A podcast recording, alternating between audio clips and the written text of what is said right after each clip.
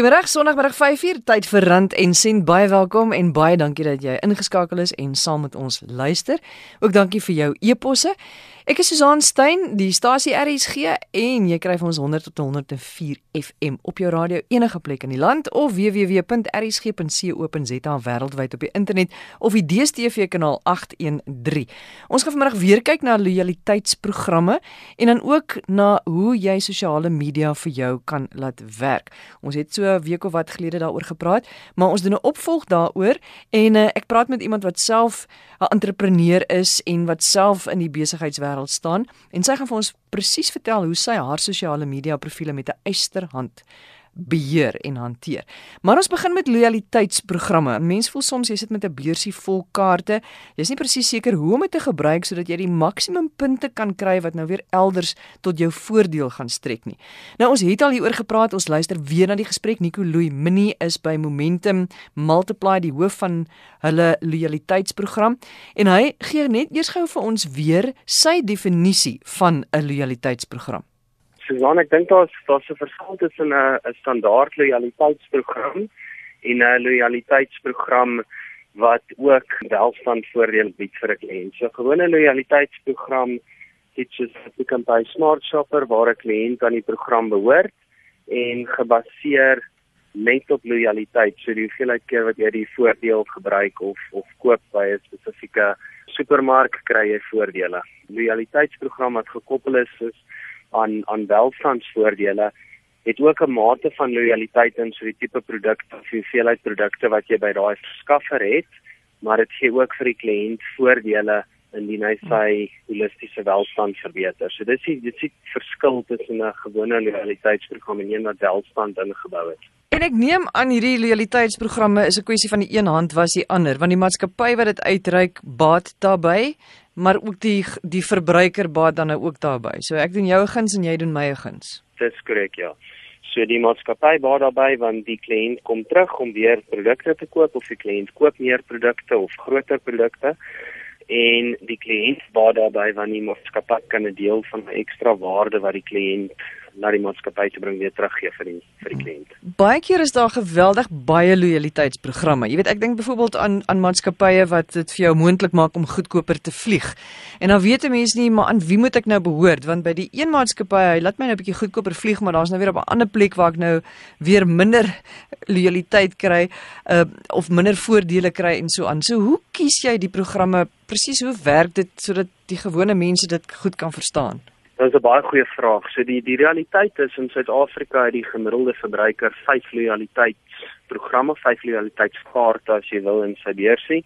Ehm um, in Amerika is dit droweg 7 en 'n half ehm um, lojaliteitsprogramme waaraan die verbruiker daarso behoort. So dit sê vir ons dat daar definitief gebruik van die programme is maar aangesien daar meer as 100 programme in Suid-Afrika is, is dit dis heeltemal reg, is baie moeilik om die programme te kies wat vir jou sin maak. So ek dink die eerste ding wat wat die verbruikers in in gedagte moet hou is gratis programme en programme waarvoor jy betaal.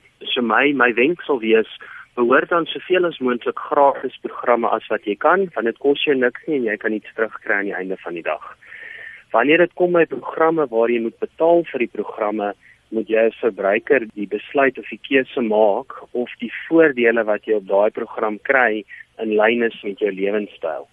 Byvoorbeeld as dit 'n program is wat afslag gee op vlugkaartjies, en een van die voordele wat jy reeds genoem het, maar jy weet dat met jou familie reis jy met 'n kombi deur Suid-Afrika, dan gaan daai program as sulks nie noodwendig vir jou sin maak nie. Maar as daar 'n ander program is wat byvoorbeeld vir jou korting kan gee op brandstof of 'n korting kan gee op kruideniersware en nie noodwendig daai diep korting wat jy op vlugte kry nie, dan kan daai program dalk meer vir jou sin maak. So kies die program waar die voordele in lyn is met huidige lewenstyl. En as jy mens kyk na die verskillende soorte programme, kyk ons hierson om nou name te noem of handelsname te noem, praat ons dan nou hier van sê net maar mediese fondse of mediese skemas. Ons kyk na bankgroepe. Wat watter soort ja. programme is daar als? Die betaalprogramme is grootendeels gesentreer rondom finansiële dienste en met finansiële dienste sluit ek jou mediese fondse en jou banke jou lewensversekeraars, beleggingshuise en dies meer in. Jou gratis programme is gewoonlik rondom uh, supermarkte en en en sulke tipe um, besighede.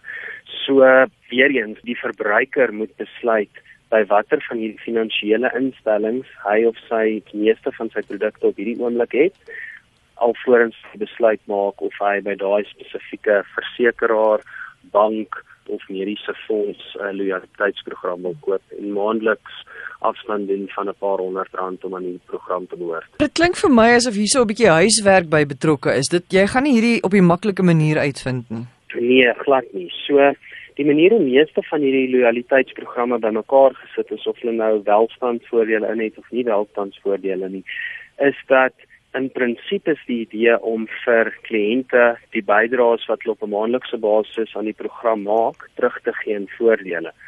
Die probleem kom in wanneer verbruikers net sekere voordele gebruik en minder as hulle maandelikse bydrae terugkry in voordele, want dan is die gebruik verbruiker in 'n in 'n slegter posisie. So daar's definitief huiswerk wat gedoen moet word om te besluit of jy die al die voordele op die program gaan gebruik en of jy wel jou premie of selfs meer as jou premie op 'n maandelikse basis of dan terwyl op 'n jaarlikse basis gaan terugkry. As jy net die program koop of begin gebruik sonder om te verstaan wat die voordele is en hoe om die maksimum voordele te kry, gaan jy 'n moontlike kat in die sak koop. Nicolou, hoe doen ek dit nou? As ek nou regtig niks van hierdie goed weet nie en ek wil nou ook betrokke raak of deelneem, wat wat is jou raad aan my? Hoe begin ek? Die maklikste manier om te begin is kyk waar jy op die oomblik die meeste van jou van jou maandelikse salaris spandeer. So meeste verbruikers spandeer spandeer 'n groot deel van hulle salaris aan aan huislenings, aan aan voertuigfinansiering, aan versekerings, aan medies, aan kredietware en so gaan die lys aan. So trek jou eie begroting op, kyk waar jy jou geld spandeer en vergelyk dan waar jy jou geld spandeer met die voordele wat jy op die verskeie loyaliteitsprogramme kan kry. So die heel maklikste manier is kies die program waar jy die meeste voordele sal kry wat opkoppel met die lynitems waar jy reeds geld spandeer. So dis die heel maklikste.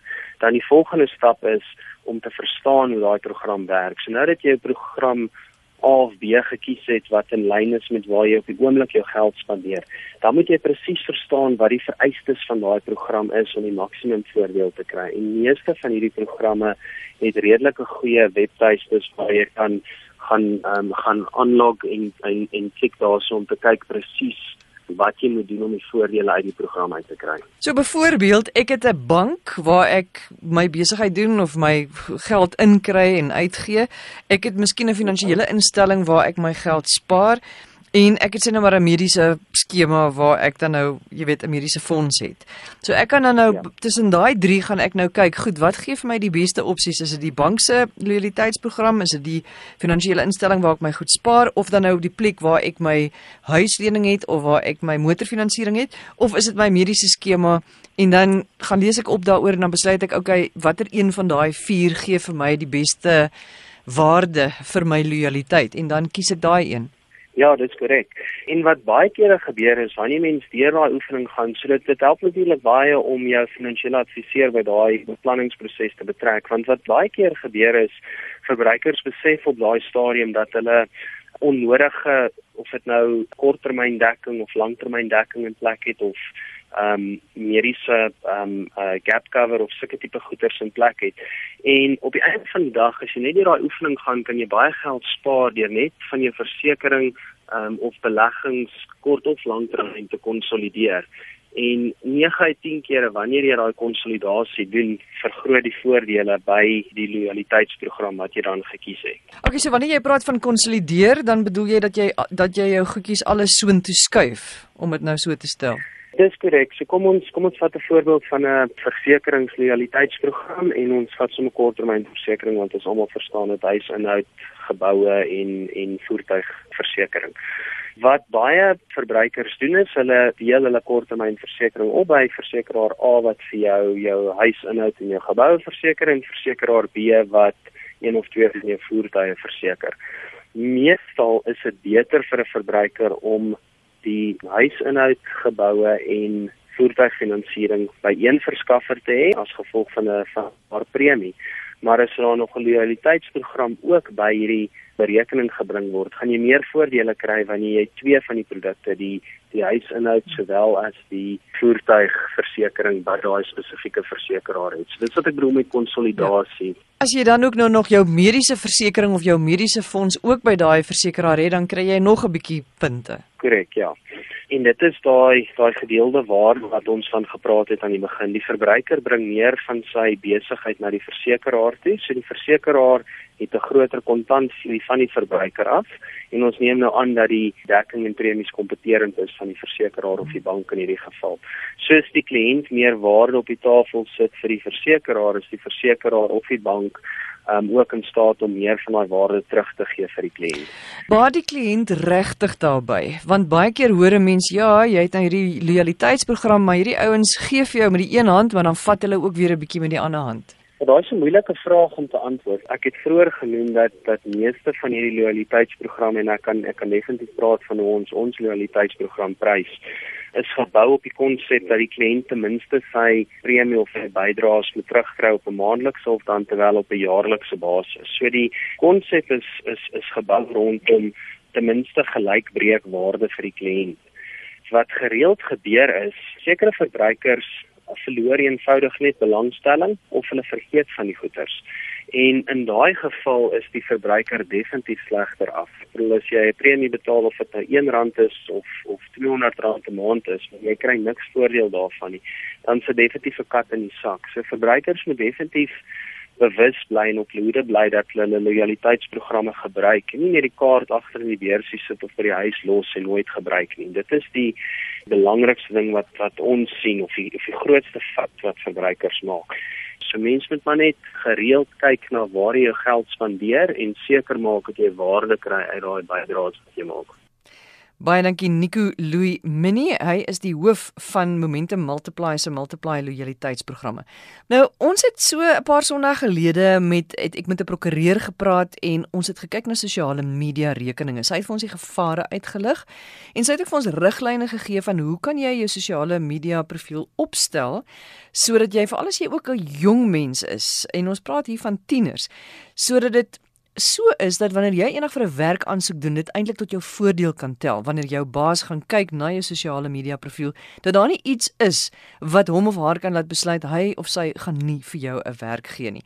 Nou in Ligman, ons ken as hy's 'n gereelde gas hier by ons, hy's 'n entrepreneur, hy's mentor, stigter, direkteur van die Pullback Management Consultants, asook die Iona Foundation. En in Jy het gereageer op daai gesprek wat ons gehad het, want jy werk baie met sosiale media. Jy het die wonder van sosiale media ontdek ook om jou onderneming, jou sake ondernemings te te bevorder. En jy bestuur jou sosiale media rekeninge met 'n eysterhand. Absolute eysterhand. Ek het 'n paar baie kosbare lesse geleer um gelukkig baie vroeg in my uh, sosiale media reis. So in die eerste 2-3 maande het ek my nou al redelik, ek sou nie sê vasgeloop nie, maar ek het al reeds uh, dingetjies gesien wat glad nie met my morele waardes saamwerk nie en en wat my nie komplementeer nie.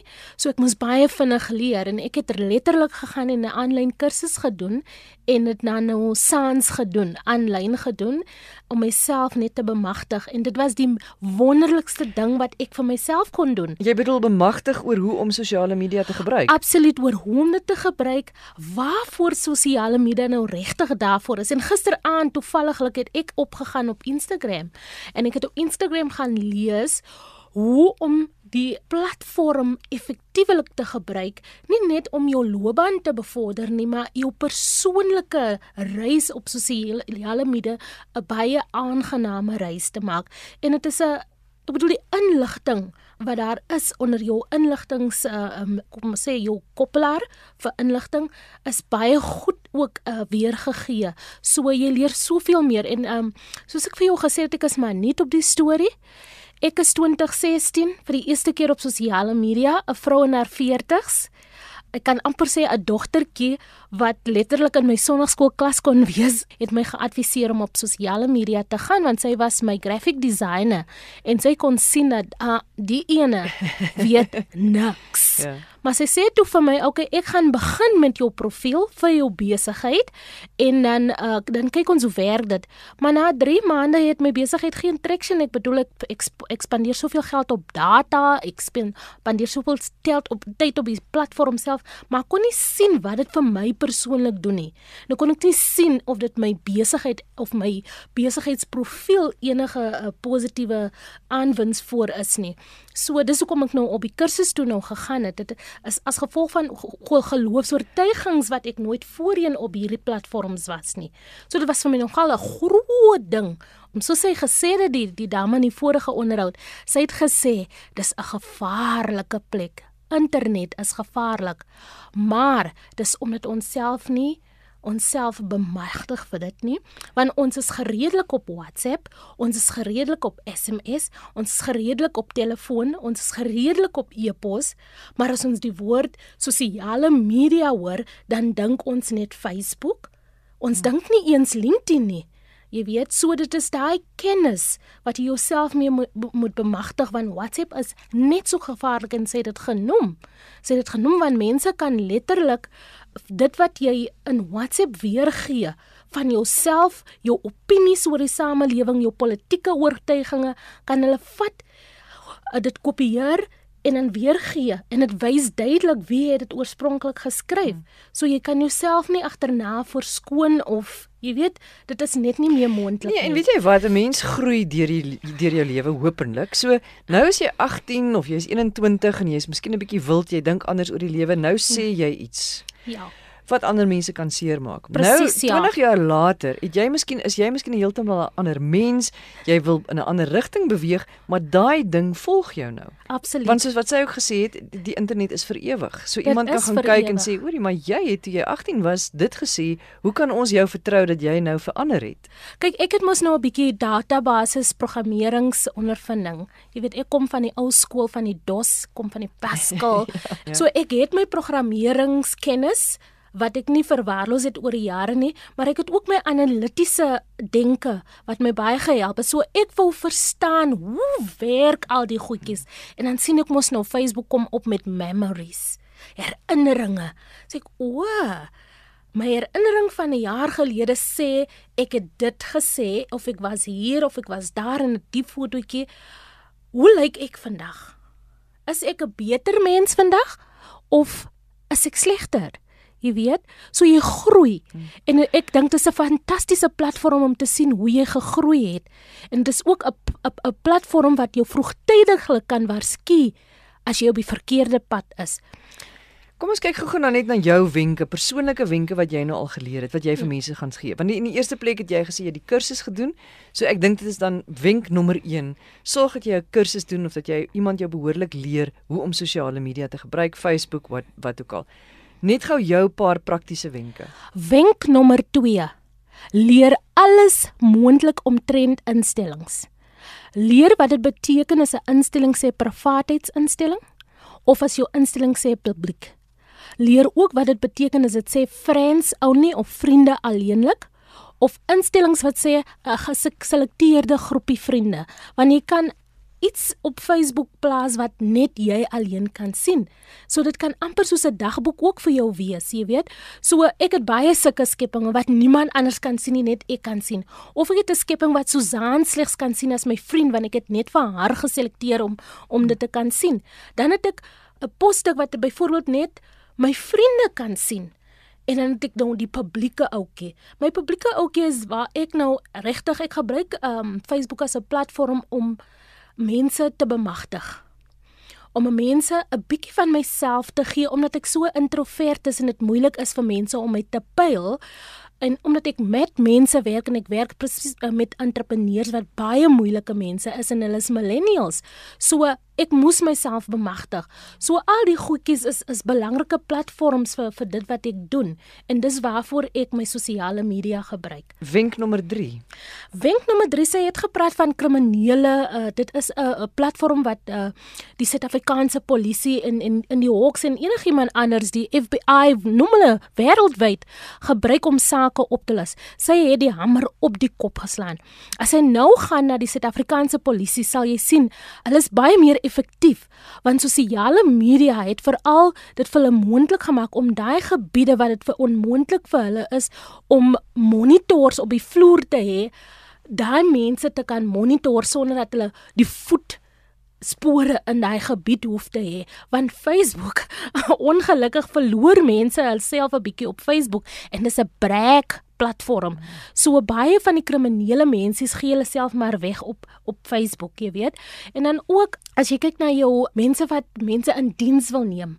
Baie van jou indiensnemingsmaatskappye, jou recruitmentmaatskappye is nou baie duidelik sigbaar op Facebook ook jou um, meer korporatiewe firmas wat voorheen net op LinkedIn ge, ge, ge, gefokus het is nou op Facebook want dis waar hulle jou ware karakter kry hmm. en dis wat dit so gevaarlik maak as jy iets in 'n oomblik van woede op Facebook geplaas het en jy weet nie hoe om dit te verwyder nie dan loop jy die gevaar om moontlik 'n werk wat jy alreeds in is te verloor mm. of 'n werk waarvoor jy aansoek doen te verloor. Soos hulle sê jy moet wag voor jou mond sit voor jy, jy praat, maar jy moet wag hier voor jou vingers ook sit voor jy begin. Absoluut, ja, so dis visueel en dit is ook verbaal. Want jy kan ook klank ook gebruik. En dan jy nog 'n laaste wenk, sekuriteit. Sy het iets baie baie belangriks genoem. Moenie jou huisadres opsit nie, moenie jou telefoonnommers opsit nie, moenie jou ligging opsit nie. So ek doen wat jy noem 'n uh, delete post.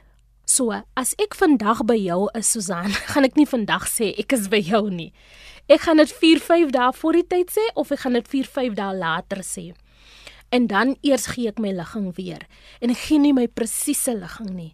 Ek gee naasten by. So as ek sê ek is in Radio Park, gaan ek nie die presiese gebouvloer en so aangee nie. Ek gee ook nie vir my besigheid en vir my persoonlike profiel my adres vir daai waar waar waar dit bedryf word nie. Ek gee ook nie telefoonnommers, ek gee WhatsApp nommers. Ek haal daai SIM-kaarte uit my foon uit en ek gebruik net die WhatsApp nommer, dan gebruik ek e-pos. En al die goed het ek die instellings. Ek het instellings van privaat en ek het instellings van publiek en op my e-posse gebruik ek nie my besigheids-e-posse nie. Ek gebruik my Gmails. Hmm. Jy 'n belangrike ander ding ook wat die afgelope tyd ook hier rond te gedoen het en mense is daarteen gewaarsku dat jy nie jou kinders op jou sosiale media profiel moet sit nie want dit is blykbaar 'n groot stukkie lokaas vir ontvoerders. Kyk in my vorige lewe kon ek in glad nie op sosiale media wees nie. En ehm um, ek het 'n besluit geneem en my kinders uit daai omgewing uitgehaal want dit was te beskerm, dit het hulle afgesny van die werklike lewe. En om hulle uit daai omgewing moes ek sekere reëls wat ek gemaak het kanselleer. Soos my dogtertjie was darm nou al oor 13 jaar toe sy op die platform kom, maar my seun was nog nie. So ek moes twee keer ding want hy was in 'n nuwe omgewing waar almal op die platform is. Ek moes hom leer. Twee dae terug het ek met hom gepraat. Hy wil graag maatskappye se wat jy noem 'n brand ambassador word. Jy weet die nuwe kind is baie meer vooruitstrewend as ons. So hy het nou 3, 4 loopbane wat hy wil bedryf en die mees effektiewe metode om dit te bedryf is om sosiale media te gebruik vir vir ten minste twee van hy loopbane. So het ek vir hom gesê, "Oké, okay, ek kan jou bestuurder wees." Maar ek stel al jou platforms saam en ek monitor al jou platforms vir jou eie veiligheid, maar ook ek gee vir jou die opleiding sodat ek seker is jy is beskerm. Weet jy wat sê die ou toe vir my? Mamy, ek is nog nie gereed nie om terug te gaan op Instagram nie. Ek het harde lesse geleer. Ek sê, "O, watter lesse?" Dis nie iets wat ek wil oor praat nie, maar ek het harde lesse geleer. As ek weer gereed is om terug te gaan, sal ek mamy inroep. So hmm. dit is die millennial. Hulle is baie uh hoe kan mense sê assertive en wys en baie baie wys want hulle lewe in 'n woeka tyd en dit is 'n 'n tyd waar inligting vryelik ja. be, be, be, beskikbaar is. Maar jy kan sê dis die millennial, maar dit is ook daarom die ouer wat af en toe 'n oogie moet hou, wat Absoluut. moet help, wat moet ondersteun, wat daar Absoluut. moet wees. Ouer betrokkenheid mag jy nie eenkant toe stoot nie. En baie dankie vir jou tyd weer. Lekker soos altyd om met jou te gesels. Dis Ann Ligman, entrepreneur, mentor, stigter-direkteur van Pullback Management Consultants en die Iona Foundation. Asseblief as jy voorstelle het, as jy vrae het, stuur vir my e-pos Susan by rsg.co.za. Dis S U Z A A N by rsg.co.za. Onthou ons rand en sent boek beskikbaar by Exclusive Books of Bargain Books as ook aanlyn by Takealot en by Loot. Ideale geskenk om vir iemand te gee nou met uh, Kersfees in gedagte of ietsie om uh, om jou eie kennis te vermeerder. Ons het 'n klomp gesprekke gevat wat ons gevoer het op Rand en Sent en ons het dit in boekvorm beskikbaar gestel en daar is enige iets in van hoe jy in kuns kan belê tot hoe jy in 'n stokvel kan spaar, ander spaar idees hoe jy versekerings moet uitneem, hoe jy te werk moet gaan as jy 'n entrepreneur is en jy wil jou nuwe onderneming begin, wat jy moet weet, wat jy nie moet weet nie. Jy noem dit en dit is in ons rand en sent boek vervat. So gaan maak gerus 'n draai by jou naaste boekwinkel. En as jy dit soek en jy kry dit nie, stuur vir my 'n e-pos. Susan@rsg.co.za. S U Z A A N by rsg.co.za. Dankie vir die saamluister vanmiddag. Onthou ons herhaling van Rand en Sent op Woensdagoggend 04:30. Jy kan ook ons gesprekke gaan luister. Dit word as 'n potgooi eh, vir jou daar op RSG se webwerf beskikbaar gestel by www.rsg.co.za. Ek groet. Ek hoop dit is 'n baie baie goeie en 'n baie mooi week vir jou. Mooi bly.